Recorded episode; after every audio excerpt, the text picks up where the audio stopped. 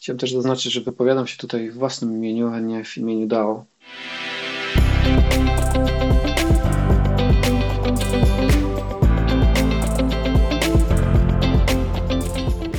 Cześć wszystkim. Witajcie w kolejnym odcinku podcastu Podróż po Web3. Naszym dzisiejszym gościem jest Mariusz Szyma z Windranger Labs, e, który jest product managerem. E, cześć Mariusz, super, że do nas dołączyłeś. Cześć, dzięki za zaproszenie. Powiedz nam troszeczkę więcej o tym, jakby jaka twoja droga była do Web3, zawsze o to pytamy. I zaraz byśmy przeszli do tego, czym jest Windranger, bo to dla mnie, wiesz, bardzo egzotyczny jest byt, który jest podłączony pod bardzo dużą organizację i o tym będziemy dzisiaj rozmawiać w naszym odcinku. Tak, jasne. No moja droga do, do Web3, do, do krypto jest dosyć długa, bo zaczęła się pod koniec 2012, początek 2013, gdzie e, ja byłem zainteresowany gamifikacją i w ten sposób też poznałem e, Bitcoina. E, no, zainteresowałem się tym tematem od razu, ale stwierdziłem, że dobra, już Bitcoin jest jakby w kontekście ceny, Bitcoin jest, jest warty 100 dolarów, pociąg odjechał, nie? więc to, to już taka, taka moja pierwsza reakcja, ale sama technologia była też dla mnie interesująca. No i zainteresowałem się tematem szerzej, popatrzyłem, co jest co innego jest, e, jest na świecie i tak e, trafiłem bardziej na Ethereum, e, które jest jakby moim głównym punktem zainteresowania w tym momencie. Pod koniec 2016 roku bardziej znowu dziś, wcześniej obserwowałem cały czas, co się dzieje w świecie krypto, ale nie, nie brałem czynny udział.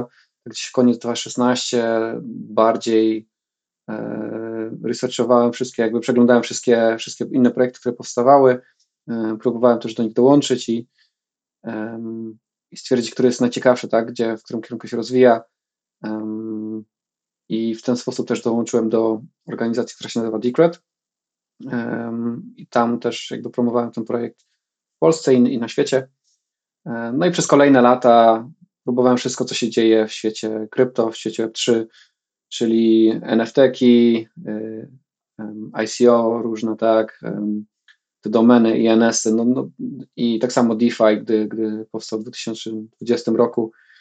Wszystkie te tematy, no, staram się jak najbardziej być na bieżąco i e, na żywo je testować, próbować, żeby faktycznie stwierdzić, co tam w trawie piszczy, a e, nie tylko co piszą na Twitterze, tak, co, co mówią mhm. influencerzy. No i tak, e, i tak gdzieś w 2000, pod koniec tamtego roku udało mi się jakby połączyć moją pasję tworzenia produktów, bo zawsze byłem produkt managerem, jakby osobą, która tworzy produkty, tak, z pasją krypto, no i tak dołączyłem do Windranger Labs. Chciałem nawiązać do tego, że mm, porównywałeś sobie, co w trawie piszczy w stosunku do tego, co pisał Twitter i no, mamy teraz y, dołek i ten Twitter zupełnie inaczej wygląda niż wyglądał pół roku temu czy 8 miesięcy temu. I też porównuję to z tym, jaka była atmosfera na eForce'u, na którym się zresztą poznaliśmy.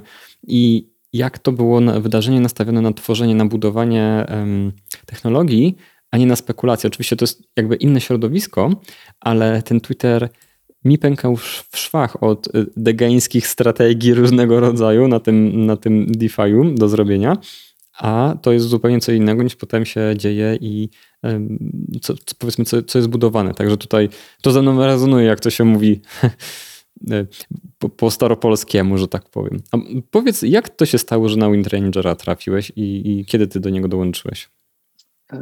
Dołączyłem na początku roku. Trafiłem, może nie przez przypadek, ale po prostu no, headhunter mnie zgarnął, e, że tak powiem. I najpierw miałem też taki problem, że mimo mojego zainteresowania w świecie, świecie krypto, sam Bitał był mi mało znany, tak, a Windranger Labs jeszcze mniej więc nie byłem do końca przekonany, czy to jest to. Też miałem inne oferty pracy, e, między innymi z fajnych polskich startupów, ale no ostatecznie jednak stwierdziłem, że po doinformowaniu się i po, po kilku rozmowach z, z founderami Windrangers stwierdziłem, że to jest jednak duży, ciekawy temat, którym no ja też coś mogę dostarczyć, też dołożyć swój klosek i do, e, dodać jakąś wartość. Poczekaj, Meczku, a zanim, bo, bo, czuję, że tu już jesteśmy na krawędzi basenu, do którego wskoczymy i jakby to zajmie nam jakąś dłuższą chwilę. A mnie jeszcze co ciekawiło, bo powiedziałeś, że w 2012-2013 dowiedziałeś się o Bitcoinie, bo interesowałeś się gamifikacją. A powiedz, w jaki sposób w tamtych latach Bitcoin łączył się z gamifikacją? E, no właśnie, to też ciekawe.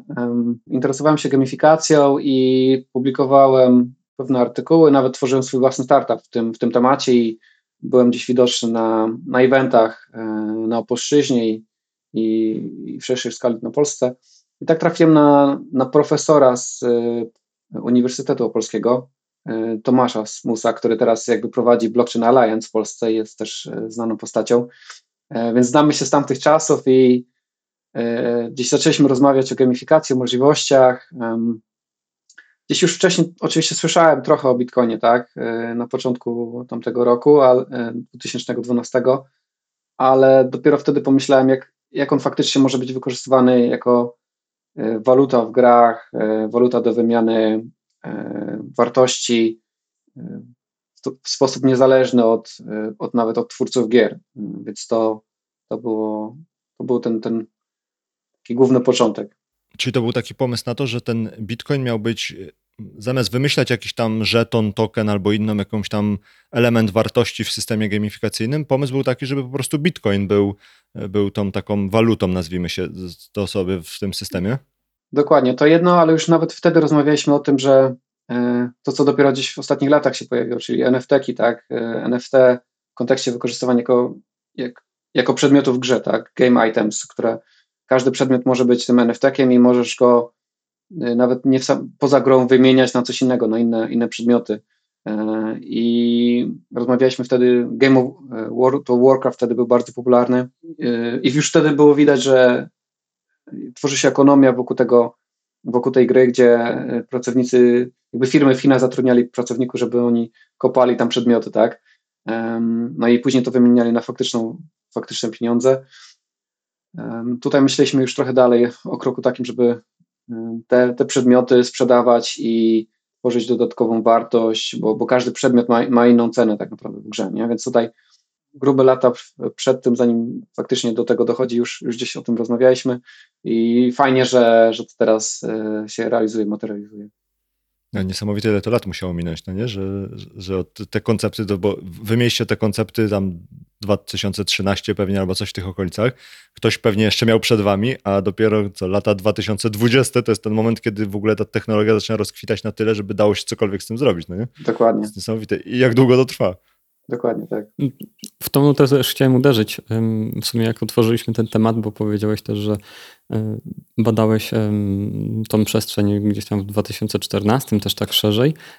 Jak ten ekosystem wtedy wyglądał? No bo DeFi jest młody, rozkwit jest niedawny tak naprawdę, ale projekty już mają te 6, 8, 7 lat. Nie? I co, co zostało z tego, co wtedy odkryłeś do dziś?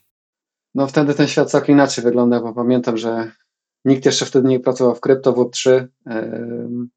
Bardzo, bardzo mało osób.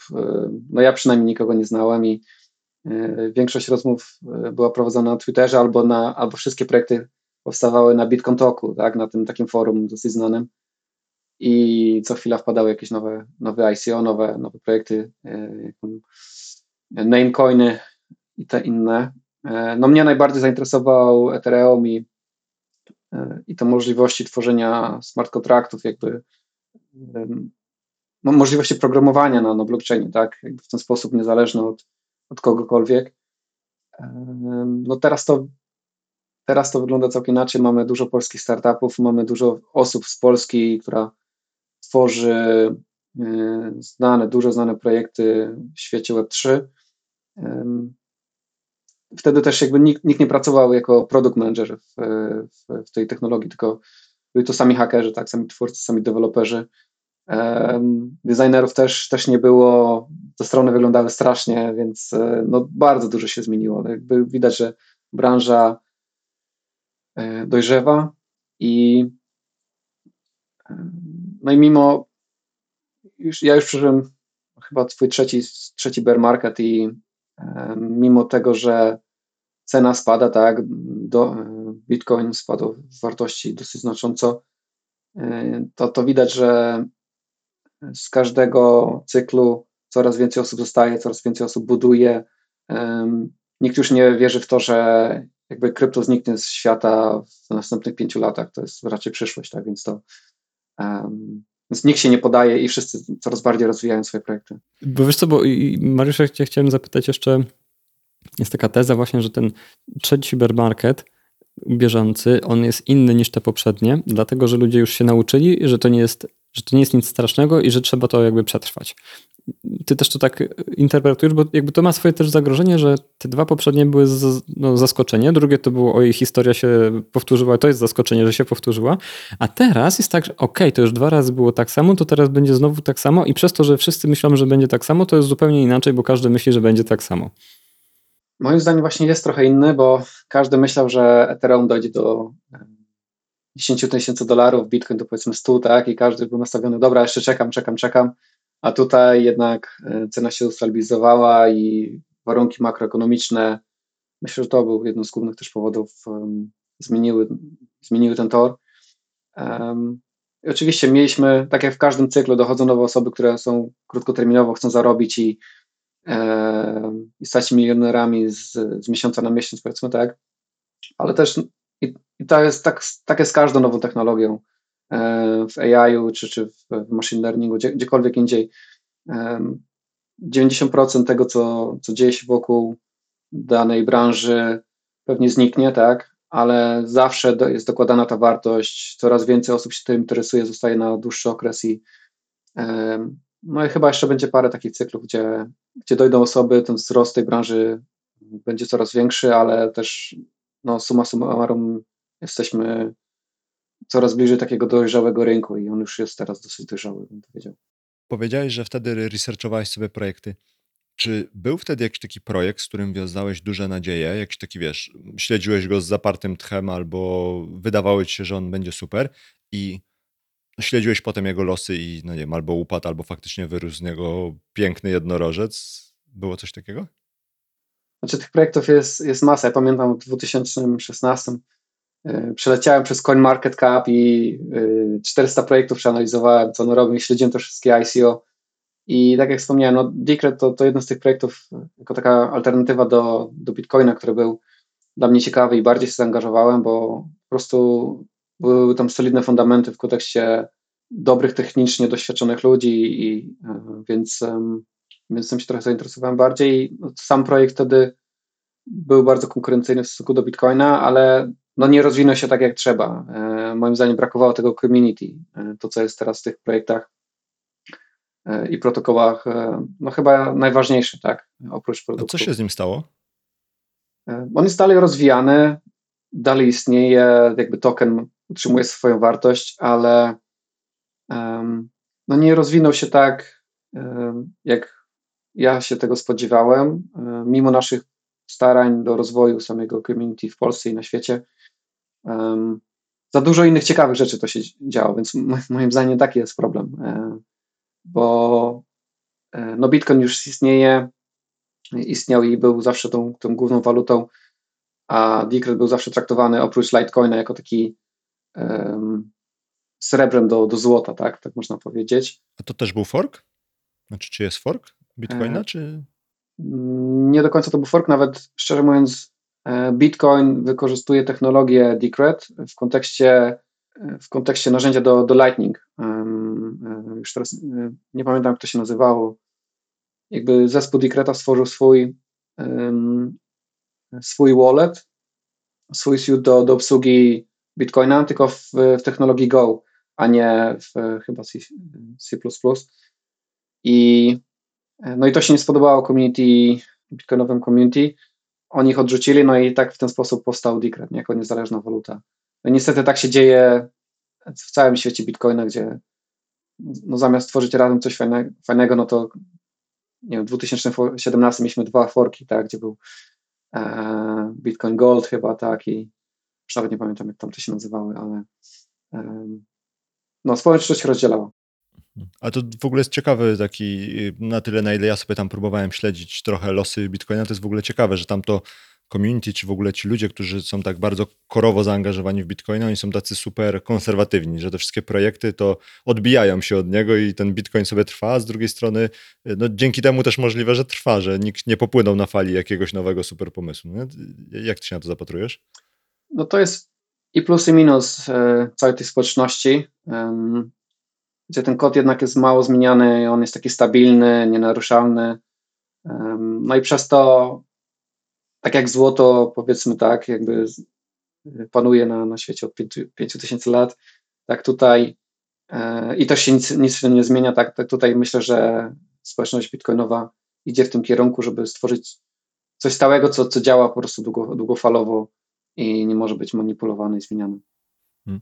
A powiedziałeś, że na początku roku dołączyłeś do Wind Rangers Lab, czy Labs e, i, i powiedz, y, czym ostatecznie skusił cię ten projekt, bo mówiłeś, że miałeś kilka ofert i dlaczego akurat w końcu wybrałeś tam? Co, co było takim, wiesz, y, one and only argumentem, że jednak, okej, okay, skoczę do tego, do tego basenu? E, tak, myślę, że ludzie, globalny, globalny zespół e, naprawdę fajnych, ciekawych ludzi, którzy pracowali wcześniej w konsensusie, w no, Facebooku, Google, no w tych różnych wszystkich innych dużych organizacjach jednak, które już też robiły swoje projekty krypto, ale oni jednak też dołączyli do, do Wind Rangers y, i chcieli stworzyć coś, coś nowego, fajnego. I też no, samo DAO, BitDAO, drugie największe DAO na, na, świecie, jeśli chodzi o wartość y, swojego głównego portfela, tak, do inwestycji, tak zwanego treasury, tak, um, skarbca. Więc e, no, widziałem tutaj spory potencjał i też chęć rozwoju samego DAO, jak i, jak i produktów DeFi wtedy jeszcze, bo też robiliśmy takie rzeczy. A jaka jest zależność pomiędzy Wind, Ranger, Wind Rangers a mm, DAO jako takim? Czy to jest tak, że y, DAO zleca i to jest jeden z podwykonawców jakby do robienia jakichś elementów infrastruktury czy czegokolwiek dla DAO?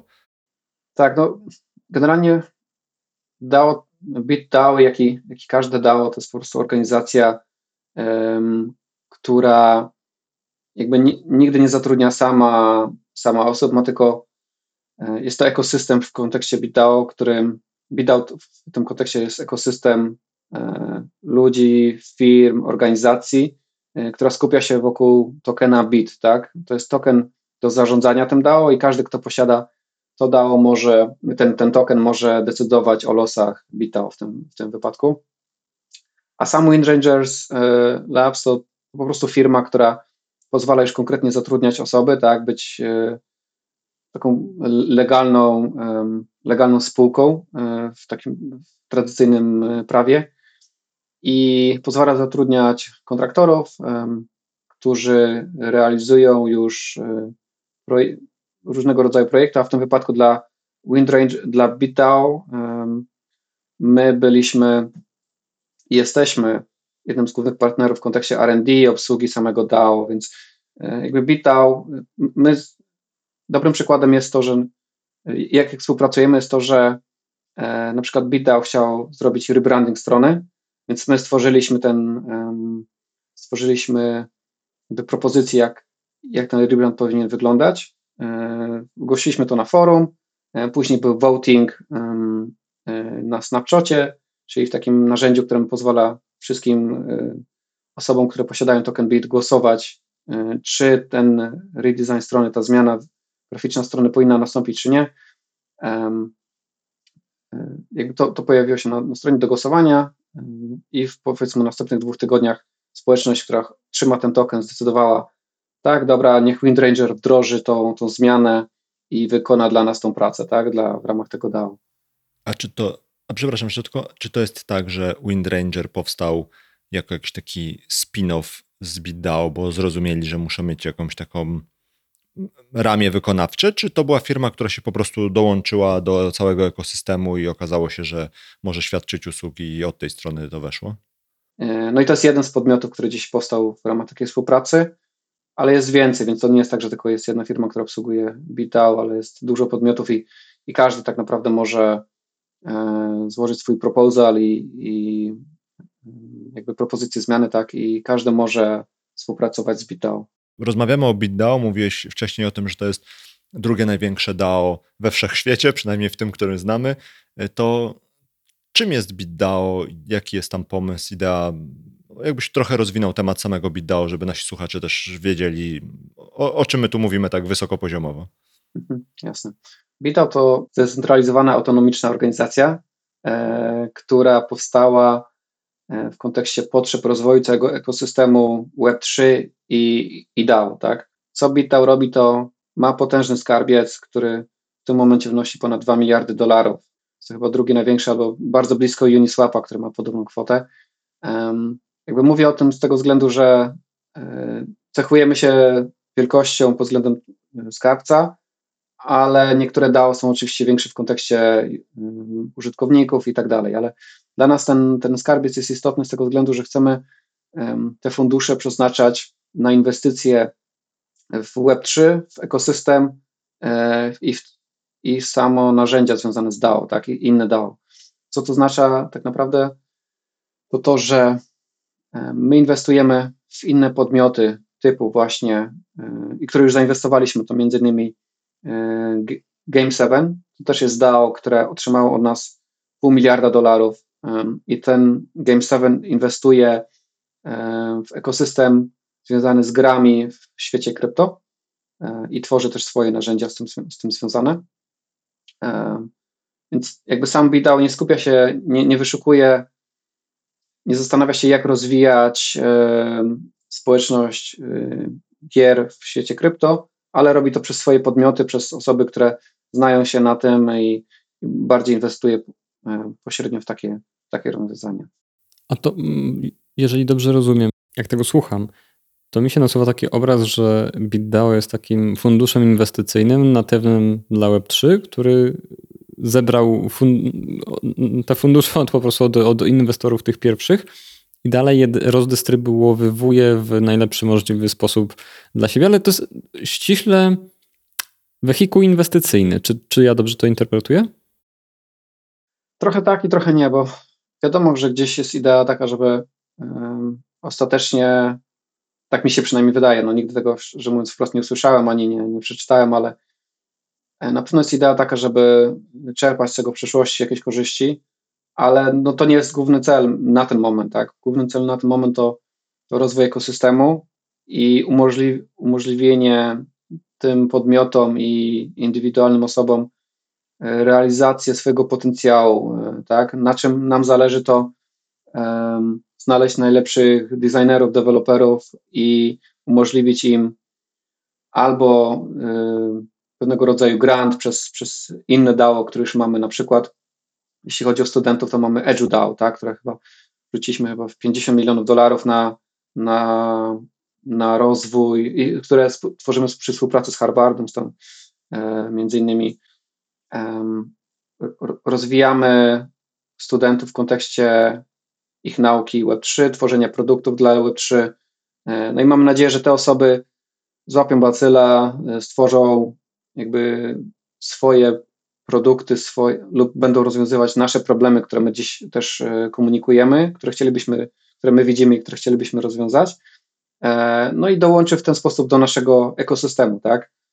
Więc bardziej nam zależy w tym momencie na rozwoju samego ekosystemu samego produktu, samego DAO e, w kontekście BitDAO, później ekosystemu e, BitDAO, czyli mamy BitDAO, Game7, EduDAO, jeszcze parę innych DAO, z, którym, jakby, z którymi współpracujemy i w które też zainwestowaliśmy. E, no i później całego ekosystemu krypto i Web3, tak, poprzez, poprzez tworzenie narzędzi dla łatwiejszego, łatwiejszej obsługi samego DAO, tak, bo no, każdy myśli, że stworzenie takiej organizacji jest proste i jej obsługa jest prosta, no ale to jest jednak e, no, brakuje narzędzi, brakuje e, rozwiązań, które ułatwią nam działanie takiej organizacji w tradycyjnym środowisku. A, okay. a jak, jak, jakie były takie pierwsze kroki przy powstawaniu BitDAO? No bo zebrać taką kasę, to raz, to jest duży wyczyn, dwa, jak ją zabezpieczyć, no bo ja to widzę jako, wiesz, Mapując to na taki świat, wiesz, y, analogowy powiedzmy, tak, e, nie, nie, nie, nie Web3, no to powstaje spółka, zakłada konto w banku, na to konto w banku wpływają te fundusze. Jeżeli te fundusze nie, nie, nie, nie były tokenami od razu, Chyba, że to od razu były tokeny jako inwestycja mm, złożona w tokenach na rzecz BitDAO do portfela, który został założony. Ale wiesz, jestem bardzo ciekawy, jak wyglądają te pierwsze kroki, yy, które pozwalają w ogóle przyjąć pieniądze, a wcześniej być jakby zapewnić właścicielstwo tego portfela dla odpowiednich osób. Osób czy instytucji, które tworzą to BitDAO.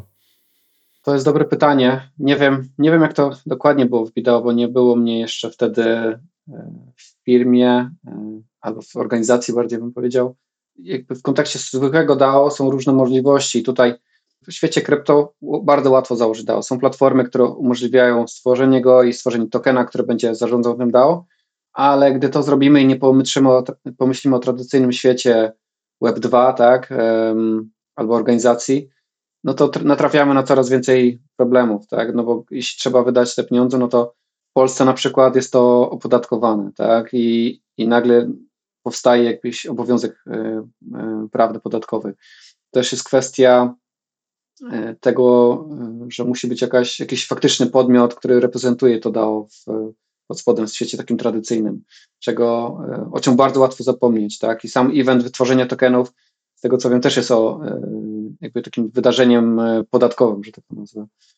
Więc tutaj, no niestety te światy bardzo, świat Web3 jest bardzo innowacyjny, szybki, tak? Można coś stworzyć innowacyjnego, stworzyć jakieś DAO i, e, i, i działać, tak? Inwestować, e, współpracować, co, cokolwiek. E, no ale jednak ograniczony jest jeszcze ten, ten świat Web 2, gdzie, gdzie trzeba to, trzeba wszystko poukładać tak, żeby nie, nie, nie pójść do więzienia. Panie, jaki NIP? Na, na co tą fakturkę wystawić? No właśnie, to jest to. A czy ja dobrze zrozumiałem, że BitDAO w swoim założeniu jest bardziej taką firmą czy organizacją inwestycyjną, która ma sieć y, innych organizacji inwestycyjnych, czy to jest bardziej y, taka, nie wiem, no coś na kształt fundacji albo jakiegoś takiego czegoś non-profit, które ma za zadanie zebrane pieniądze rozdystrybuować dla dobra ludzkości? Bo nie, nie wiem, w którą stronę to bardziej idzie. Czy to ma się zwrócić to, to, co jest zainwestowane, czy ono ma się nie zwrócić, tylko rozwinąć ekosystem i ma być dobrze wszystkim? Znaczy są DAO inwestycyjne, które po prostu inwestują w fundusze i e, typu, typu właśnie Orange DAO czy Syndicate, um, którym możesz dołączyć do DAO, wkładasz swoje fundusze, no i oczekujesz jakichś zwrotów, tak? Tak jak giełdzie. U nas to nie jest takie, takie proste. My bardziej poprzez inwestycje bit tokenów, inne y, podorganizacje, w inne DAO, które uważamy, że robią coś fajnego, ważnego, typu właśnie y, naszą ostatnią inwestycją, albo przedostatnią ciekawą było stworzenie ZK DAO, tak? czyli DAO, które, są, które przy współpracy z Matter Labs, firmą, która jest znana, myślę, że w świecie Web3, e, która tworzy ZK Sync, tak? L, L2 ZK Sync, stworzyliśmy DAO i jakby chcemy rozwijać produkty w tym ekosystemie. Jakby oczywiście nikt nam nie, nie, nie płaci co, co miesiąc jakiegoś wynagrodzenia albo odsetek z tego, że zainwestowaliśmy. Bardziej znowu rozwijamy ekosystem, e, tworzą się produkty, tworzą się partnerstwa, może jakieś, powiedzmy za 10 lat, jakieś unicorny z tego, tak? E, ale to jest tak, że dostaje, BitDAO dostaje jakąś alokację tokenów takiego projektu, albo nie wiem, udziały w spółce, albo coś takiego. To nie są takie, to nie jest, y, no nie wiem, bezzwrotna dotacja, tylko raczej jakaś forma wymiany wartości. Znaczy za tak. Tokeny są... BIT dostają, no nie wiem, tokeny tej nowo wytworzonej organizacji albo tego projektu. Dokładnie tak, tak. Robimy token swapy, okay. między innymi, tak to, tak to się nazywa też. Mhm. Okej. Okay. A jestem ciekawy tego procesu decyzyjnego po twojej stronie, no bo samo BitDAO no nie jest specjalnie starą organizacją. Powiedziałeś, że powstało w 2021 roku. Mhm.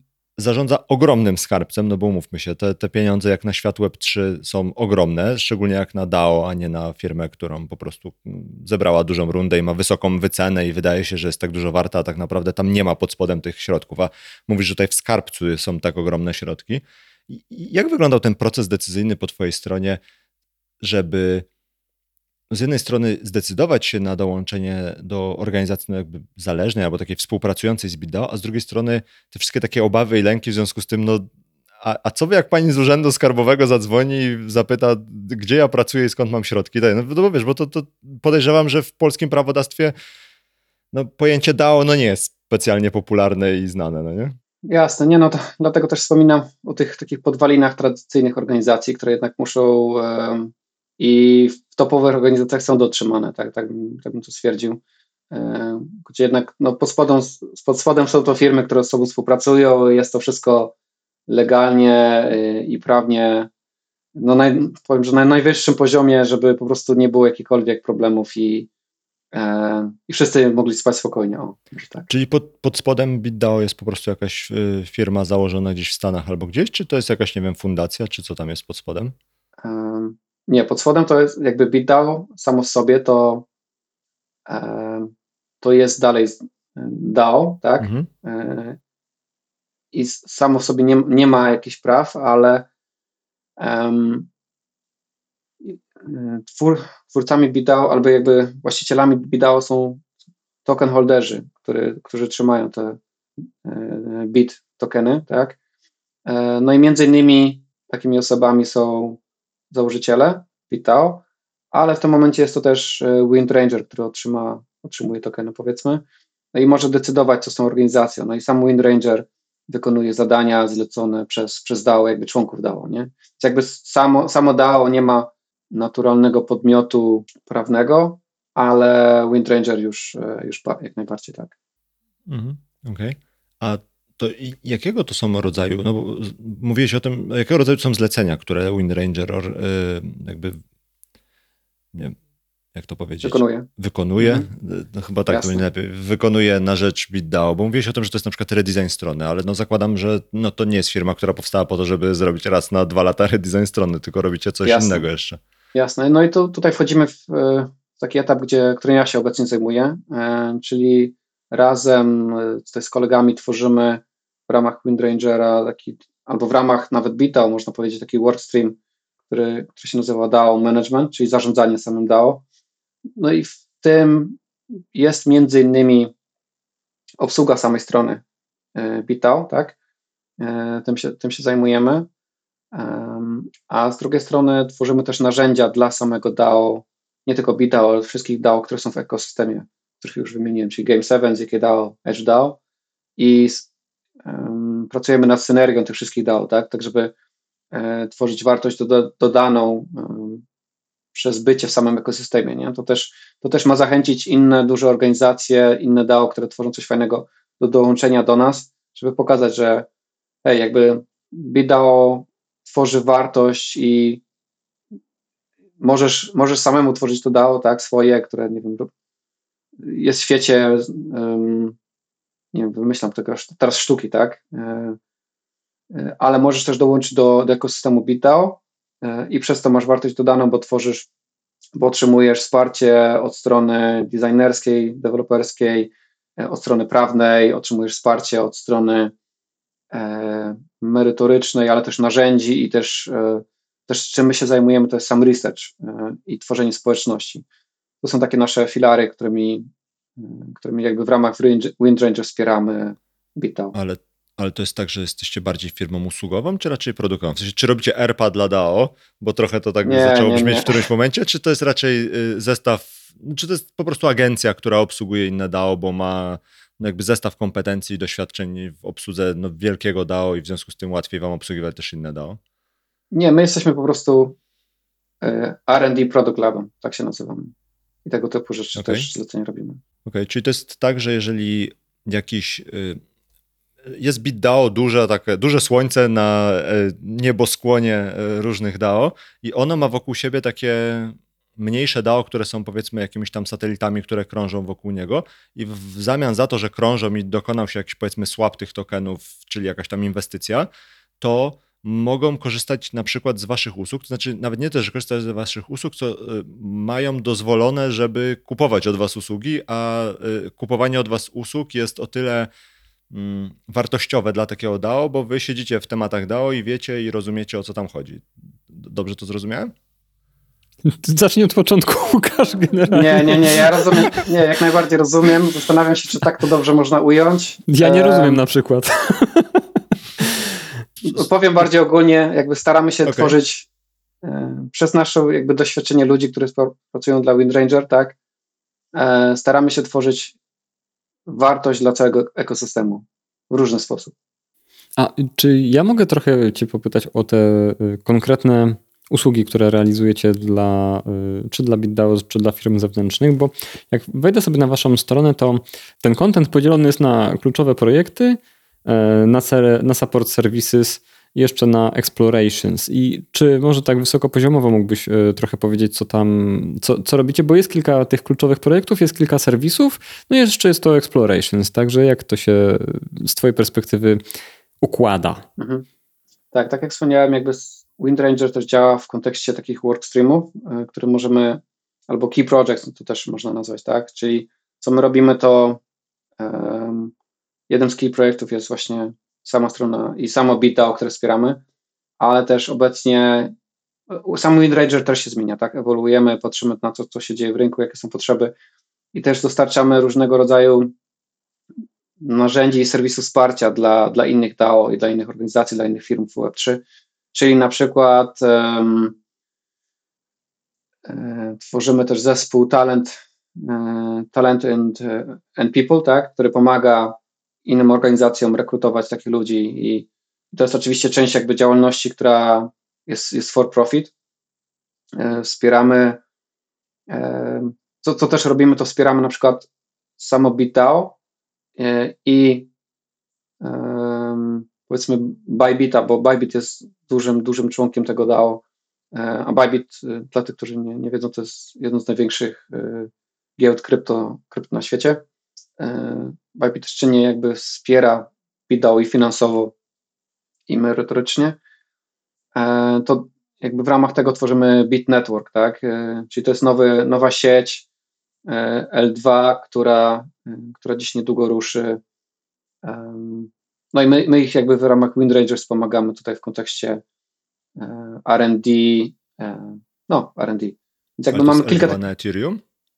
Właśnie moje pytanie. Tak, tak, tak. No. Jest taki blog post, który możemy jakby później w podcaście podlinkować. Tam jest opisany cały proces, jak mniej więcej e, BitNetwork będzie wyglądał. Jaka Ale generalnie WinRangera w powstaniu tego L2, bo na tym, tam się wciąłem. Tak, tak. My wspieramy e, BitNetwork w kontekście R&D, um, protokołu i, i, i, dokumentacji różnych innych rzeczy. Więc e, no, jest to szerokie spektrum usług, które dziś oferujemy, ale no, mamy te kilka głównych właśnie projektów, czyli tak jak wspomniałem, BitDAO, BitNetwork, e, wsparcie, e, wsparcie w ramach operacji, jakby operacji DAO i operacji Web3 i też e, pozyskiwania talentu. Też z takich ciekawych rzeczy to też jeszcze wcześniej sam WindRanger tworzył produkty DeFi, za które ja też e, jakby byłem odpowiedzialny od od eksploracji do, do, do MVP, do proof of concept. I one są tutaj wymienione, między innymi jest to Margin Trade i Bizarre, czyli Bizarre to jest taki e, peer-to-peer marketplace dla NFT i tokenów, a, Bizarre, e, a Margin Trade to jest, sorry, Bizarre to jest P2P marketplace, a Margin Trade to aplikacja DeFi, która pozwala handlować na dźwigni walutami spotowymi, czyli tymi aktualnymi walutami, nie, nie jakimiś narzędziami nie, nie derywatywy, derywatywami, sorry. Powiedziałeś, że użyłeś czasu przeszłego, jak mówiłeś o tym, że tworzyliście te narzędzia DeFi'owe. Czy to znaczy, że jakby z tej działki się wycofujecie na rzecz tego Talent and People, bo mówiłeś, że to jest taka nowa część, czy po prostu, no nie wiem, pomysł się skończył albo nie ma rąk do pracy? Bardziej widzimy, że y, możemy skupić swoje siły na właśnie obsługę BitDAO, obsługę BitNetworku, i tam tworzenia produktów, no bo sam, jak, jeśli tworzysz L2, no to musisz mieć tam te produkty i, e, no i gdzieś tam idzie nasza moc przerobowa, niż tworzenie niezależnych produktów na, na Ethereum, tak jak to było właśnie wcześniej z Bizarem i z Margin Trade. A jak duży to jest zespół? E, około 50 osób w tym momencie. Okej. Okay. I to, bo mówiłeś o tym, że do tych takich są cztery te takie korowe elementy, e, te projekty, tak? Wy nazywacie to projektami, ale wewnątrz tych projektów jest mnóstwo takich drobnych rzeczy. Czy to jest tak, że Wind Rangers to są głównie deweloperzy, designerzy, product managerowie, ownerzy, jak zwał, tak zwał, w zależności od nomenklatury, czy to jest raczej mm, jakaś taka część legalowo, HR-owo, governance'owa, bo trochę nie czuję jakby w którą stronę, bo, wiesz, bo jak tak się słucha o tym, to, to tego jest mnóstwo i zastanawiam się, no to co, po dwie osoby robią każdą rzecz? No nie, no musi być jakiś fokus w którąś stronę, to w którą stronę tak, jest ten tak. fokus? E, no właśnie tak jak powiedziałeś, jest to design development, produkt, e, no i też właśnie bardziej trochę opera, rzeczy operacyjne i, i no nie, hare, nie, nie nazwałbym tego harowe, ale, ale bardziej związane z obsługą talentu, może tak to jak w takiej organizacji wygląda dzień Mariusza? W sensie otwierasz kompa rano albo wieczorem i, i co robisz w ciągu dnia? E, dokładnie, otwieram rano, zamykam wieczorem, to jest ten problem. Koniec. Okej. I nie wiesz, nie wiesz, co się stało. No właśnie, to jest to. Um, tak, no problem jest taki, że faktycznie pracujemy z globalnym zespołem i gdzieś um, mam kolegów z Singapuru aż po San Francisco i teraz wiesz, o której godzinie się spotkać, to jest zawsze problem. E, ale typowy dzień myślę, że wygląda może nie tak samo, ale przeważnie zawsze od jakiegoś zaplanowania swojego, swojego dnia pracy, tak, jakby rzeczy, które są istotne na dzisiaj i też planujemy sobie, przynajmniej ja sobie planuję tydzień. E, mamy, ja też jestem odpowiedzialny za zarządzanie produktem i, i tymi właśnie tymi właśnie workstreamami, które mamy, nie? Czyli, czyli musimy stwierdzić jakby działamy też typowo powiedzmy agile'owo i, i y, układamy sobie powiedzmy sprinty, w których chcemy zrealizować pewne rzeczy. No i staram się albo jeśli odpowiadam sam za jakiś produkt, to wszystko, wszystko zrobić, żeby go dostarczyć, tak, w, ramach zakresu, albo no, typowa obsługa takich e, produktów startupowych, tak, może nie startupowych, albo no, produktów, która gdzieś, gdzieś tutaj się pojawia. A z drugiej strony staram się też jakby wspierać kolegów w kontekście dostarczenia ich produktów, ich e, takich, no my to nazywamy deliverables, nie? czyli rzeczy, które trzeba dostarczyć, czy to jakby zmiany na stronie, czy to jakiś e, artykuł e, do researchu, czy to jakieś eventy, bo też dużo robimy eventów, między innymi teraz um, pomagaliśmy przy tak zwany Sozu House, to jest taki hacker, hacker house e, w Bogocie e, na, na Devconie e, przy współpracy właśnie, gdzie, gdzie współpracował właśnie zespół z BitDAO i z Metamaska, jakby razem z Metamaskiem robiliśmy ten hacker house, więc no jest masa rzeczy różnego rodzaju. Czy to jest tak, że ty jesteś PM-em, czy bardziej takim PM-em PM-ów? Bo trochę brzmi jakbyś był piętro wyżej niż taki człowiek odpowiedzialny za jeden produkt. Tak, no ostatnio, ostatnio się powiedzmy stałem PM-em PM-ów, e, ale też e, odpowiadam za sam, sam vertical DAO management, czyli razem gdzieś z kolegą e, staramy się identyfikować i, i procesowo i operacyjnie obsługiwać cały, cały DAO management. Nie? Co to znaczy? No to jest, tak, w takiej operacyjnej pracy, co, co robicie? rekrutacja, zarządzanie ludźmi, zarządzanie eventami, e, research, um, tworzenie researchu, współpraca z innymi. A to wszystko na zlecenie BitDAO? No, tylko to, to nie jest tak, że wiesz, BitDAO ci powie, jakby stakeholderzy ci powiedzą, zrób to, to, to, to i to, tylko jest jakby plan na, na jakiś okres, albo my sami też zastanawiamy się, co chcemy wytworzyć um, i jakby co możemy dobrego dostarczyć dla BitDAO i wtedy to proponujemy i wtedy stakeholderzy decydują, dobra, to ma sens, albo nie, tego nie róbcie, nie? To jest bardziej oddolna praca, gdzie my sami staramy się zawsze identyfikować, co jest wartościowe dla tego DAO i robić już jakąś pracę na początku, stworzyć jakiś proposal, tak, jakąś propozycję, co ma być wykonane, ile potrzebujemy kasy i w ramach tego e, oczekujemy jakiegoś finansowania. Czyli szukacie, szukacie sobie pracy po prostu w BitDAO, tak? Do, do, dobrze rozumiem? Tak. Jeśli mogę tylko coś dodać, no tak działa cały świat Web3 eee, i też e, freelancerzy, tak? Jakby gdzieś powiedzmy ja jestem freelancerem i widzę na przykład Mariusz Dał, nie, który robi coś ciekawego. Widzę, że nie wiem, jestem programistą i mogę dostarczyć im jakąś wartość, e, nie wiem, stworzyć jakiś, jakiś produkt, który dla nich będzie interesujący. Więc składam taką propozycję, nawiązuję jakąś relację i mogę otrzymać jakiś grant albo um, złożyć jakiś proposal formalny na dofinansowanie mojego pomysłu i dzięki temu mogę albo go już wcześniej stworzyć i otrzymać środki z powrotem, albo milestone'ach się rozlicza. To różne, no jakby możliwości są różne, ale tak, tak generalnie działa świat Web3. Czy to oznacza, że po prostu cały nacisk jest przełożony z tego, że ktoś komuś mówi, co robić na, na, na, na, taki kierunek, że to ty sobie znajdujesz pracę? To znaczy, że inicjatywa nie jest po stronie góry tak zwanej, tylko oddolna? Tak, no i to jest właśnie fajne w świecie Web3, bo jeśli mi się chce na czymś pracować, tak, na czymś mi zależy i powiedzmy mi zależy na BitDAO, to ja nawet bez jakiegokolwiek wsparcia albo znajomości mogę dołączyć i, i, i stworzyć jakąś wartość. Nie? Mogę mieć jakiś fajny pomysł na rozwiązanie problemów, które my jakby BitDAO zidentyfikował. Na przykład co, co my robimy, to e, na GitHubie mamy swoje repozytorium, gdzie mamy wymienione, to też możemy podlinkować, mamy wymienione jakby takie prompty, czyli opisane problemy, które my widzimy w świecie Web3, w DAO, tak, albo związane z naszymi partnerami, czyli jakieś problemy związane z walletem, z portfelem e, krypto dla, dla Game7, naszego DAO. Opisujemy te problemy i jest proces, który obsługuje, jakby każdy może e, wejść na tą stronę, przeczytać, co my potrzebujemy. Jeśli ma pomysł na rozwiązanie, może wypełnić formę i możemy nawiązać współpracę, porozmawiać razem, jak możemy pracować, żeby e, jeśli, jeśli ty masz jakiś, jakiś pomysł na rozwiązanie tego problemu, zaproponuj go, porozmawiajmy i, i, i ustalmy, czy, czy to jest coś, co chcielibyśmy wesprzeć mhm. jako DAO.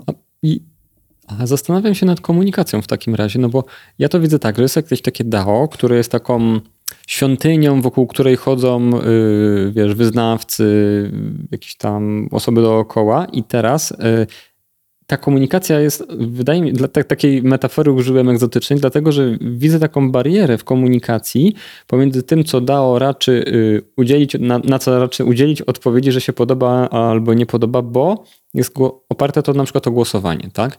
I to ja to widzę jako taką barierę w ale to proszę mnie wyprowadzić z błędu, jeżeli źle to interpretuję, e, albo powiedz, jak to działa, dlatego że jeżeli jest tak, ja to widzę jako taki strasznie powolny proces.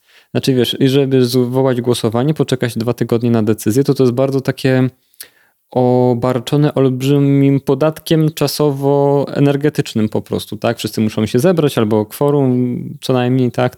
Poczekać na zakończenie tego głosowania i być może dlatego macie to w takich dłuższych, no nie to, że sprintach, tak, ale w takich milestone'ach dłuższych, które wy potem wewnętrznie dzielicie, bo jesteście firmą, która może szybko działać, ale Zastanawiam się, jak wy sobie radzicie z tym takim challenge'em, gdzie wy musicie szybko coś porobić, porobić, porobić, bo chcecie, tak, albo bo musicie i dopiero to jest przerzucone do, e, do DAO pod voting na przykład. Jasne, to też, też nie do końca tak działa w tym sensie, że e, stakeholderzy albo właściciele tokenów decydują nad każdą drobną decyzją. Nie, nie na tym to polega, więc my się nie musimy zwoływać co, co, codziennie, co, co tydzień czy co dwa, tylko gdy mamy jakieś ważniejsze tematy, albo musimy zatwierdzić, nie wiem, jakąś inwestycję, albo zatwierdzić, jak mieliśmy tutaj w tym przypadku, zmianę strony. To był chyba naj, najniższy poziom, na który schodziliśmy, nie? E, bo to była dosyć duża zmiana. Dlatego bardziej pracujemy, inwestujemy w e, poddał typu właśnie Game7, żeby oni wewnętrznie znowu jakby zespół BitDAO nie musiał zastanawiać się nad każdą drobnostką związaną z rynkiem gier, tylko jest Game 7, który samemu sobie coś decyduje, tak, i, e, i tam podejmują już wewnętrznie decyzje, więc e, nie, nie wchodzimy w szczegóły, bardziej jakby podejmowane są decyzje na poziomie ważniejszych tematów, większych milestone'ów, ale też e, jeszcze wcześniej w takim samym procesie, to się zawsze nazywa proposal proces, nie? czyli procesie propozycji zmiany, takie zmiany są zawsze wcześniej dyskutowane na forum e, i każdy może się wypowiedzieć, stwierdzić, czy to jest coś fajnego, czy nie, zadać dodatkowe pytania i no, większość tych tematów też w ogóle nie przechodzi do głosowania, więc to już zatrzymuje się na innych etapach. A czy są w DAO jacyś tacy, ale powiedzmy, dyrektorzy, którzy mogą zlecać jakieś prace wam, czy wszystko musi iść przez takie formalne, duże głosowanie i czy, czy jest jakiś, wiesz, tak jak w korpo, że jest y, ktoś, kto ma swój budżet do poziomu X i może sam podpisać zlecenie i już? Jest teraz taki trend, nie, nie mówię w kontekście BitDAO, nie jest teraz taki trend, że większe DAO mają swoje tak zwane komitety albo właśnie workstreamy, um, gdzie jest powiedzmy event DAO, który odpowiada za eventy dla danego DAO, tak, hackatony czy, czy cokolwiek innego, jakieś eventy online. No i oni też nie mogą głosować, jakby to DAO nie, nie może głosować za każdym eventem, tylko otrzymują powiedzmy budżet na kwartał, na pół roku, stwierdzają jaki mają plan, tak, spisują nie, nie więcej jak w tradycyjnych spółkach to się, to się zaczyna robić, tak, gdzie e, mamy jakieś kwartalne plany i później jest e, podsumowanie, co się udało zrobić, co się nie udało zrobić. No I wtedy jesteśmy z tego rozliczani, bo jeśli się powiedzmy temu event, temu workstreamowi eventowemu nie udało, no to i to robiło jakieś jedna, jedna firma, podfirma, tak, faktycznie, e, no to może już ktoś nie będzie, jakby samo dał, nie będzie chciał z nim współpracować, tylko zatrudnią kogoś innego. Nie? I to jest zawsze taka otwarta konkurencja. Mhm. A to BitDAO ma bardziej taki tryb, że oni są takim bardzo dużym, e, spokojnym DAO, który raczej ceduje te wszystkie jakieś takie inne inicjatywy na mniejsze DAO, tak? E, I oni mają się tym zajmować, a całe duże BitDAO Y, no, jest trochę tym bitcoinem. W sensie tam ma być spokojnie, statecznie i jakby nikt się nie będzie tam specjalnie rzucał z lewej na prawą, tak? I tak, i nie. Um, no, samo BitDAO musi się też zajmować swoimi tematami związanymi z BitDAO i rozwojem ekosystemu. To na zewnątrz nie widać, że tam jest dużo pracy, ale tam jest bardzo, bardzo dużo pracy w kontekście zarządzania, organizacji, pomysłów i współpracy między różnymi podmiotami, które są e, które tworzą to wsparcie nie? E, dla BitDAO i realizują te cele dla BitDAO, więc e, to, dlatego nazywam to ekosystemem, bo to faktycznie jest ekosystem. To są firmy, organizacje, które i osoby, freelancerzy, którzy z sobą współpracują, żeby zrealizować ten, ten główny cel. A co cię najbardziej zaskoczyło, jak dołączyłeś do Wind Ranger, że jakby, że to działa w ten sposób, a nie w jakiś, który byłeś przyzwyczajony? E, no nie ma takiej tradycyjnej struktury, mimo że to jest faktycznie firma, tak, jakby nazwijmy to spółka, to nie ma tam tych tradycyjnych obowiązków. E, każdy jest niska hierarchia, tak?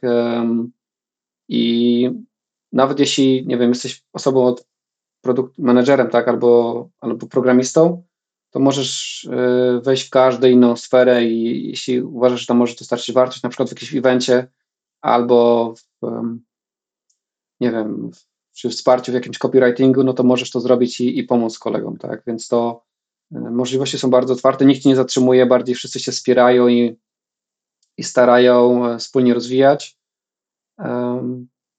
To jest to. No i jeszcze też no największy może kłopot no to jest jednak ten, ten e, to, że to nie jest, e, nie jest to korpo, nie pracuje się od 9 do, do 17, ale no pracujesz wtedy, kiedy masz czas, a, a praca dzieje się non-stop, bo, bo jest globalna, nie? Więc e, jak ty śpisz, to ktoś do ciebie pisze e, i odwrotnie. A czy to nie jest taki wielki chaos, w którym sam musisz trochę się nauczyć pływać, żeby w nim nie utonąć, albo w drugą stronę, czy to nie jest znowu taki chaos, w którym możesz E, ślizgać się i nic nie robić i nikt się nie zorientuje? No tutaj faktycznie trzeba być bardzo autonomicznym. Trzeba um, wiedzieć, jakby znać, znać się na swojej pracy, żeby wiedzieć, co to oznacza robić dobro, dobrą robotę, um, która później jest też doceniana. I um, z tym prześlizgiwaniem się, no to, znowu, to nie jest korporacja, to nie jest jakby Poczta Polska, czy nikogo nie obrażając oczywiście, ale no wiecie o co mi chodzi że, że można e, gdzieś zniknąć i być niewidocznym. Tutaj każda jednostka się liczy um, i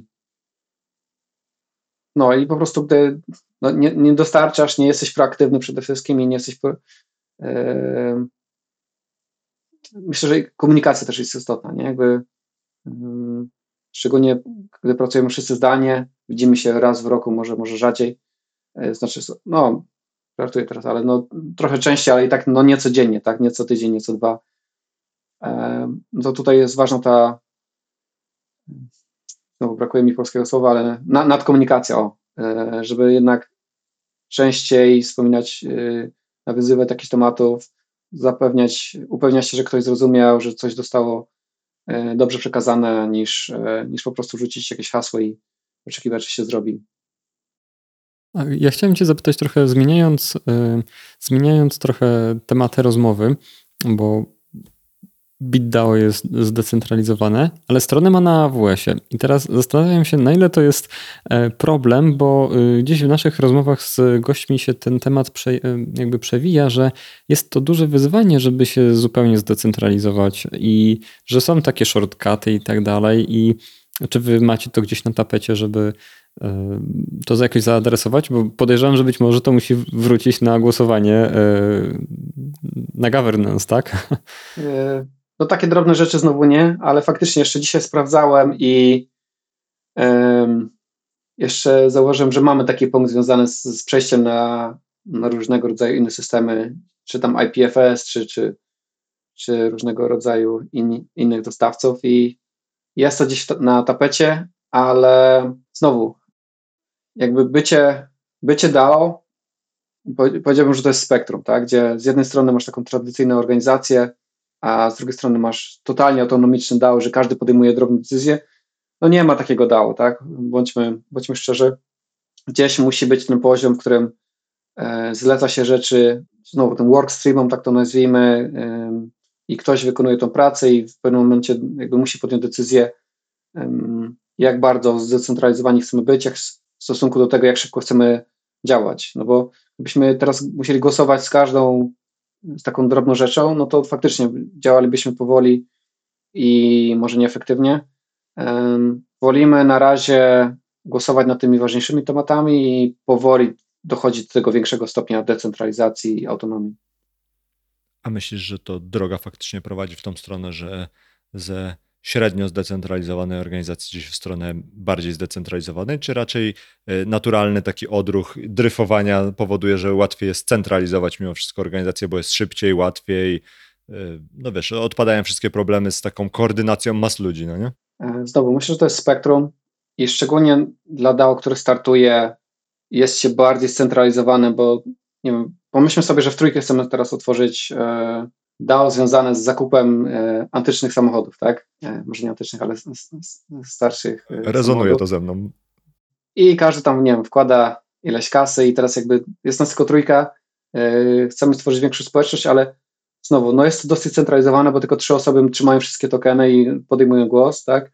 Co musimy zrobić, żeby te tokeny może nie rozdać, ale zamienić za, za wartość, którą ktoś chce dołączyć do DAO i do, dostarcza tą wartość, a my mu za to dajemy te tokeny do, do podejmowania decyzji i do, do zarządzania też tym DAO, nie? Więc to myślę, że DAO na początku są bardziej scentralizowane i powoli dochodzą szybciej lub wolniej do coraz większego stopnia decentralizacji e, w kontekście podejmowania głosów, ale e, no, znowu e, widać ten trend, w którym DAO tworzą takie komitety, które pracują nad danym tematem typu właśnie eventy, marketing, produkt. E, I to są jednostki może nie bardziej scentralizowane, ale bardziej też autonomiczne, ale bardziej efektowne niż głosowanie, gdzie, gdzie wszyscy głosowaliby za tematem, na którym nie mamy pojęcia. Mhm. Ja chciałem jeszcze zapytać o ten wehikuł, jakim jest Wind Ranger, bo teraz im dłużej rozmawiamy, tym mi się lepiej e, takie ży życie wdało, układa w głowie no bo powstało DAO i żeby ono w ogóle mogło mieć cokolwiek, tak żeby to było takie legitne, to musi powołać albo nabyć, albo whatever, ale musi jakoś wejść w posiadanie tego bytu, bytu jakim, jakim jest zwykła spółka, która zapłaci faktury, zrobi pracę, zatrudni ludzi, którzy będą pracować czy ty myślisz, że to jest jedyna droga, czy są może jakieś alternatywy? No bo wy zrobiliście tak, jak zrobiliście, więc to jest jakby jedna droga ale też są firmy, sorry, DAO, które nie robią tego w postaci tego proxy, jakim jest na przykład WindRanger. Wy macie oczywiście inną skalę niż większość DAO, ale zastanawiam się, czy, czy to jest jedyna droga, czy są jakieś może lepsze drogi, tak jak patrzysz z wewnątrz organizacji na to? Może to trochę smutne, ale wydaje mi się, że to na ten moment, patrząc na legislację i, i to, że DAO no nie działają w jednym kraju, ale w różnych krajach, tak, no to żeby dłużej przetrwać i nie wchodzić w jakieś kłopoty związane z prawem, bo jeśli tego nie zapewnimy, no to prędzej czy później one, one powstaną. Niezależnie, gdzie kto, ktoś sobie wymyśli spółkę. E, jeśli ja na przykład mam, e, jeśli ja stworzyłem DAO z organizacją na Kajmanach, ale nie wiem, ludzie, z którymi współpracuję są w Polsce, w Niemczech, gdziekolwiek, to jednak wchodzę w interakcję z tym z danym, danym krajem i te osoby tam muszą zapłacić podatek i, i to summa summarum może dotrzeć do mnie i powodować jakieś problemy prawne, więc e, dlatego wszyscy trzymają się jeszcze dalej tych struktur, które są w tradycyjnym świecie.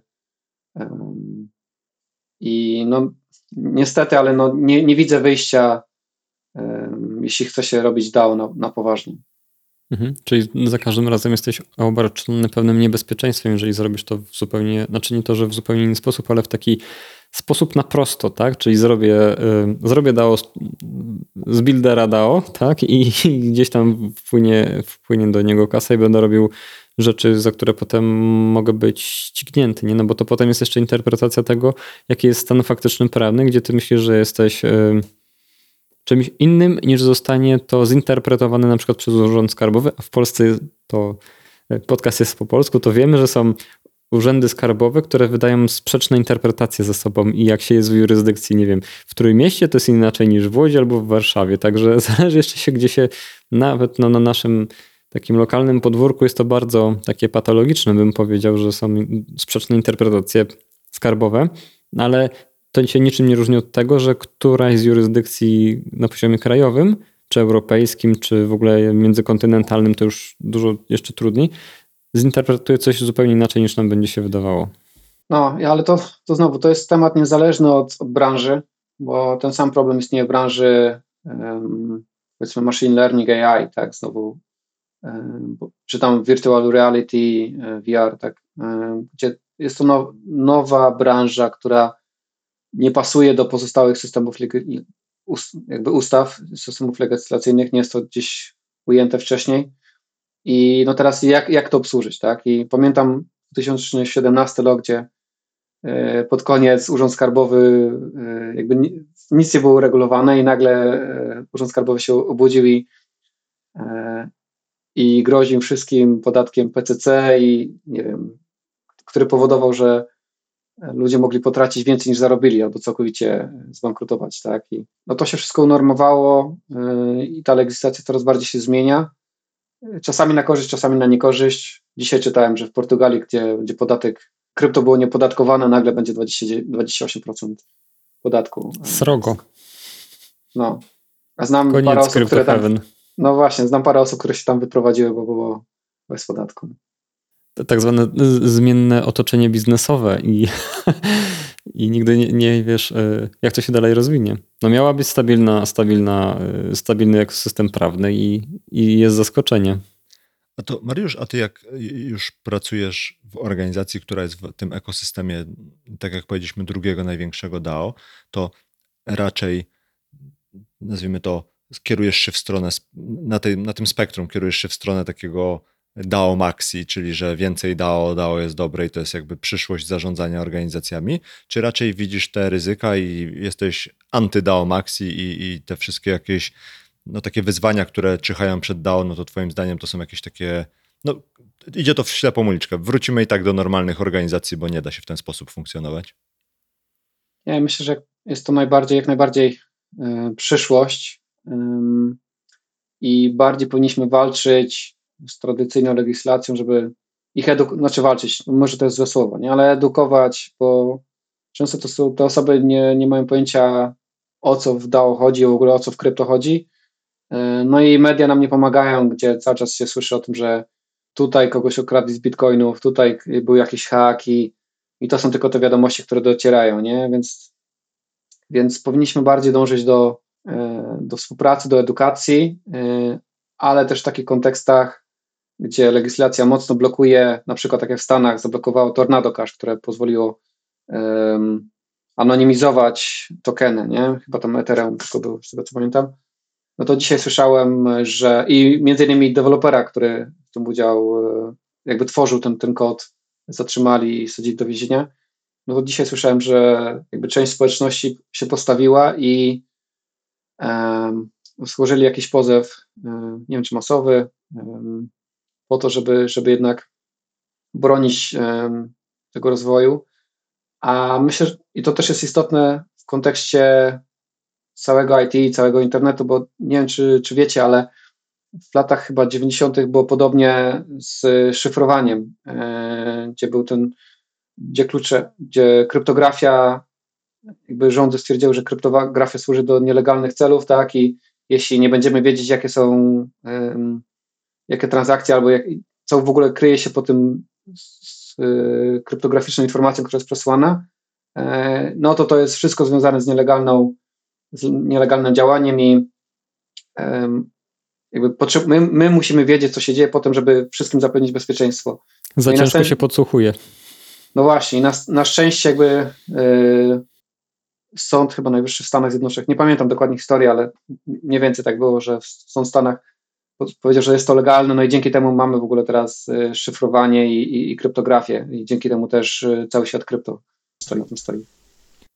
A mam jeszcze takie pytanie a propos, jedna a propos funkcjonowania y, w WindRangerze, a druga a propos DAO. A propos funkcjonowania w WindRangerze, tak jak mówiłeś o tym, że są te zmienne obowiązki, że możesz dołączyć do jakiegoś takiego, nazwijmy to, projektu, komuś pomóc i tak dalej, to jak się ustala pensję kogoś, kto pracuje w takiej organizacji? W sensie, no bo jesteś zatrudniony jako deweloper, a mówiłeś, że możesz pomóc robić eventy i robić copywriting. Czy to jest tak, że ty masz pensję za to, że jesteś deweloperem, tak jak w tradycyjnej organizacji? Czy ty jesteś jakoś per projekt, jak trochę bardziej jak taki stały freelancer? Jak to funkcjonuje? To, to zależy. To zależy też od DAO, zależy od organizacji. Niektóre osoby są tylko zatrudniane na do danego celu i i no ten tak, cel tak, realizują. Kontraktowców rozumiem. Bardziej chodzi mi o taki, tak. wiesz, stały team, który jest, wiesz, y, all day, every day w tej organizacji. Jasne, no to myślę, że to jest, po, znowu, zależy od organizacji, ale u nas jest to um, no jak w tradycyjnych y, korporacjach. Okay. Czyli tak. po prostu ustalono, masz pensję i ustalacie, że pracujesz na stanowisku X, a jeżeli masz wolne przestrzenie i chcesz komuś pomóc, to pomagasz, ale to, to nie jest jakiś dodatkowy projekt, który ty robisz, tylko to jest po prostu twoja dobra wola w ramach organizacji, żeby pomóc swoim współpracownikom slash współczłonkom organizacji. Dokładnie. No to też, wiesz, długofalowo to też rzutuje na to, jak bardzo jesteś proaktywny, jak bardzo dostarczasz wartość, no i to też powoduje, że masz szansę na powiedzmy awans, tak, czy na, na dodatkowe obowiązki. No. A y, jeśli chodzi o samo BitDAO, to czy jak jesteś token holderem, czyli człowiekiem, który kupił sobie token BitDAO albo otrzymał go jako jedna z firm z ekosystemu, to czy jest jakaś wartość i jakby poza samym głosowaniem i takim elementem zarządzania DAO, czy jest coś, co jeszcze dostajesz jako ten tokenariusz, jakkolwiek to nie brzmi, no bo jeżeli byśmy zrobili ten, e, to DAO, w którym kupujemy samochody, no to wyobrażam sobie, że ktoś kupuje token i w zależności od tego, jaki tam próg e, liczby tokenów kupił, to tyle razy będzie mógł pojeździć naszym samochodem, który kupiliśmy. Jasne. A czy w BitDAO też coś takiego jest? E, akurat w najbliższym czasie postawimy na stronie BitDAO informację, co jeszcze może zrobić z tokenem Bit, tak? No i głównie jest to token znowu governance'owy, tak, czyli do zarządzania DAO i do podejmowania decyzji, ale można go też używać e, w DeFi, można nim też stakeować i czyli zamrażać tak i otrzymywać więcej tokenów w tym sensie. Więc tych możliwości jest więcej i niedługo jakby spis wszystkich pojawi się na stronie BitDAO w najbliższych tygodniach. Okej, okay, ale na razie to jest token, który kupujesz po to, żeby móc partycypować w głosowaniach, albo jeżeli nie chcesz w nich partycypować, to lepiej go zastejkować, żeby liczba tych tokenów, które mogą głosować się zmniejszyła, żeby łatwiej było kworum jakieś uzyskać, tak? To po to jest? E, między innymi tak. E, pracujemy nad tym, żeby dostarczyć jeszcze dodatkowy tak zwany utility, tak, do wartość tego tokena, e, który będzie realizowany w innych celach, ale to w najbliższych tygodniach pewnie, pewnie więcej. A chciałem jeszcze zapytać a propos tego tokenu, tak, bo rozmawialiśmy wcześniej o tym, że um, już jeszcze przed rozpoczęciem e, nagrywania, że to może być taki problem, że ten token jest. On był pomyślany jako governance'owy, przez to, że jest na rynku wtórnym, no to jest wykorzystywany do spekulacji, a ta spekulacja powoduje, że e, czas antenowy jest e, konsumowany przez nie, nie, nie te treści, co być powinny, czyli zamiast jak budować organizację, to tam jest jak handlować tym tokenem. I teraz mam dwa pytania. Jak to na Was wpływa? A dwa, skąd te tokeny się biorą w tym obiegu wtórnym, jeżeli to DAO no, zostało założone No po to, żeby coś robić, tak? To w którym momencie te tokeny wypływają z pod kontroli założycieli, powiedzmy? Tak jak w każdym DAO jest kilka możliwości. Między innymi na, na samym starcie był coś w stylu ICO, tak? Na takiej platformie sushi zwanej Miso. Każdy mógł zainwestować i wymienić inne tokeny na bit, i otrzymać bit tokeny, więc w ten sposób. My też no, nasi, jakby firmy współpracujące z Bita otrzymują również tokeny Bit, tak? Więc tutaj też jest jedno, jedno źródło. Plus też mamy taką platformę AE Embassy, e, na której każdy może dołączyć i wykonywać, wykonywać zadania w ramach e, naszego DAO i otrzymywać też tokeny, więc tutaj też mamy taką pulę przeznaczoną, więc jest, jest kilka możliwości, myślę, że znowu tak jak w każdym DAO, żeby, żeby otrzymać te tokeny. Spoko. A jak to na was wpływa, że trochę za dużo ludzi rozmawia o spekulacji zamiast o budowaniu? Jak wszędzie? No właśnie, jak wszędzie, dobrze powiedziałeś, bo nam, naszym celem jest y, przyciąganie builderów, tak, czyli tak zwanych y, osoby, które mogą coś stworzyć, tak, dostarczyć jakąś wartość, czyli programistów, designerów, produkt managerów, y, copywriterów, no te wszystkie osoby, które jednak mają pomysł i chcą stworzyć coś fajnego. Chcemy też przyciągnąć na najlepszy, najbardziej interesujący DAO na rynku, to też jest nasz taki główny key user, e, tak zwany, główny użytkownik, którego e, chcemy przyciągnąć chcąc nie chcąc pojawiają się zawsze spekulanci. Jeśli, gdzie jest token, tam są spekulanci. E, każdy próbuje jakby szukać następne 100 xów, tak? więc staramy się żyć w zgodzie i też, i też wspierać te osoby, no bo to są jednak osoby, które jednak trzymają ten token i chcemy im też pokazać, że budujemy długofalową wartość, tak? Tak samo jak z akcjonariuszami. Niektórzy kupują po to, żeby sprzedać, a niektórych jesteśmy w stanie przekonać, żeby długofalowo inwestowali i trzymali te tokeny. Więc chcemy jednak to, dlatego też budujemy tą wartość, żeby wszystkich przekonać do tego, że, że warto trzymać bit. A czy jest jakaś skończona liczba tokenów, czy one są dodrukowywane? Nie, skończona liczba tokenów. 10 miliardów.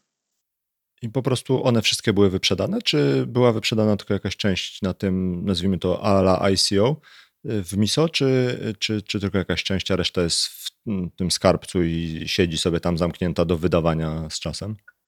Tak samo jak z każdym innym ICO, czy, czy um, organizacją, która wydała tokeny, um, część tych tokenów jest non-stop wydawana na różne cele, część jest um, tak zwanym zamknięta na i odblokowana z czasem, czyli przez taki vesting period. Nie? Podobnie jak w tradycyjnych e, startupach, gdzie się inwestuje, gdzie VC inwestują i z czasem mogą odblokować e, tokeny. E, więc tutaj jest dosyć podobnie. Te informacje są dostępne między innymi na CoinGecko. Tam jest dokładny, dokładna alokacja opisana. Okej. Okay. A Mariusz, jak wyjmiesz z pudełka szklaną kulę i spojrzysz w nią, to co za dwa lata widzisz na rynku Web3, krypto, DAO, e, ty, tymi tematami, którymi się interesujesz? Jakby w którą stronę idzie świat i jak się obudzimy za dwa lata, to, to co będzie innego albo co się zmieni? Dobre pytanie. To tego tego nikt nie wie, bo co będzie za pół roku, to, to w ogóle e, ciekawy temat. No myślę, że pójdziemy coraz bardziej w multi-chain i, e, i różne ekosystemy rozwijają swoje łańcuchy. No jest Kosmos, jest Polkadot, e, pojawiają się cały czas nowe L, L1, tak, e, L, rozwijają się L2 e, na, na różnych roll-upach, więc myślę, że tam pójdzie część innowacji patrząc też na to, co już omawialiśmy w 2013, to myślę, że to się coraz bardziej zmaterializuje, gdzie przedmioty w grach będą po prostu NFT e, i będzie można się nimi swobodnie wymieniać po, poza tym światem. To już się dzieje oczywiście, ale to w ogóle ten, ten trend myślę, że związany z grami y, mocno ruszy, bo świat gier jest pierwszy, który łapie najnowsze technologie, tak? czy to Blu-ray, czy, E, czy CD Pierwsze jeszcze... to jest porno, ale o tym nie mówimy. No, chciałem właśnie obejść temat. Ale nie dzięki. da się. Dźwignia innowacji nie da się. Ko kolega mi mówił, że oni no zawsze właśnie. pierwsze rzeczy biorą. No właśnie, no właśnie, tak to jest, masz rację. Um, no, więc chyba, chyba te kierunki. Okej, okay. a jeśli ktoś słuchający nas no, zainteresował się tematem, czy jest coś w jakimś takim obszarze, w którym ty albo organizacja, w której uczestniczysz, potrzebuje jakiegoś wsparcia, pomocy, kogoś szukacie, to jest taki, wiesz, moment, żebyś mógł powiedzieć, y, odesłać do jakichś linków, do jakichś miejsc, Jasne. a nuż się ktoś trafi. E, jasne. Cały czas e, rekrutujemy osoby do, do pracy w e, with Ranger, tak? E, Czy to dla DAO management, czy to dla Bit Network, e, czyli tej sieci. I to nie tylko osoby techniczne. Szukamy też copywriterów. Wejdźcie proszę na stronę windranger.io i tam e, jest zakładka kariera. Mieścimy w dodatku. E, Tak, dodatkowo też cały czas organizujemy i będziemy coraz więcej organizować e, eventy związane z takimi hacker house'ami, tak, gdzie też mamy te nasze, nasze prompty, nasze potrzeby wymienione, którym każdy może dostarczyć swoją wartość. W każdym momencie, jeśli macie pomysł na ich rozwiązanie, możecie się z nami skontaktować i możemy razem popracować. Więc, e, więc jest dużo możliwości i generalnie jesteśmy jak najbardziej otwarci na, na wszystkie osoby, które chciałyby z nami współpracować e, z różnych rejonów świata, z różnych, niezależnie od, od religii, e, pochodzenia i tak dalej. Dzie- Dzięki Mariusz za, za rozmowę, za to, że tutaj otworzyłeś nam te wrota do świata DAO i organizacji w ekosystemie DAO. To jest super ciekawe, bo no, to, tak jak sam zauważyłeś, to jest odwrotnie niż w normalnych organizacjach bardzo często, więc to jest takie no, świeże spojrzenie, świeże spojrzenie i bardzo ciekawe. Dzięki wielkie Dzięki za to, wielkie że za to, że zgodziłeś się z nami porozmawiać. Do zobaczenia, Do zobaczenia, do usłyszenia następnym razem. Trzymaj się. Dzięki za zaproszenie. Cześć.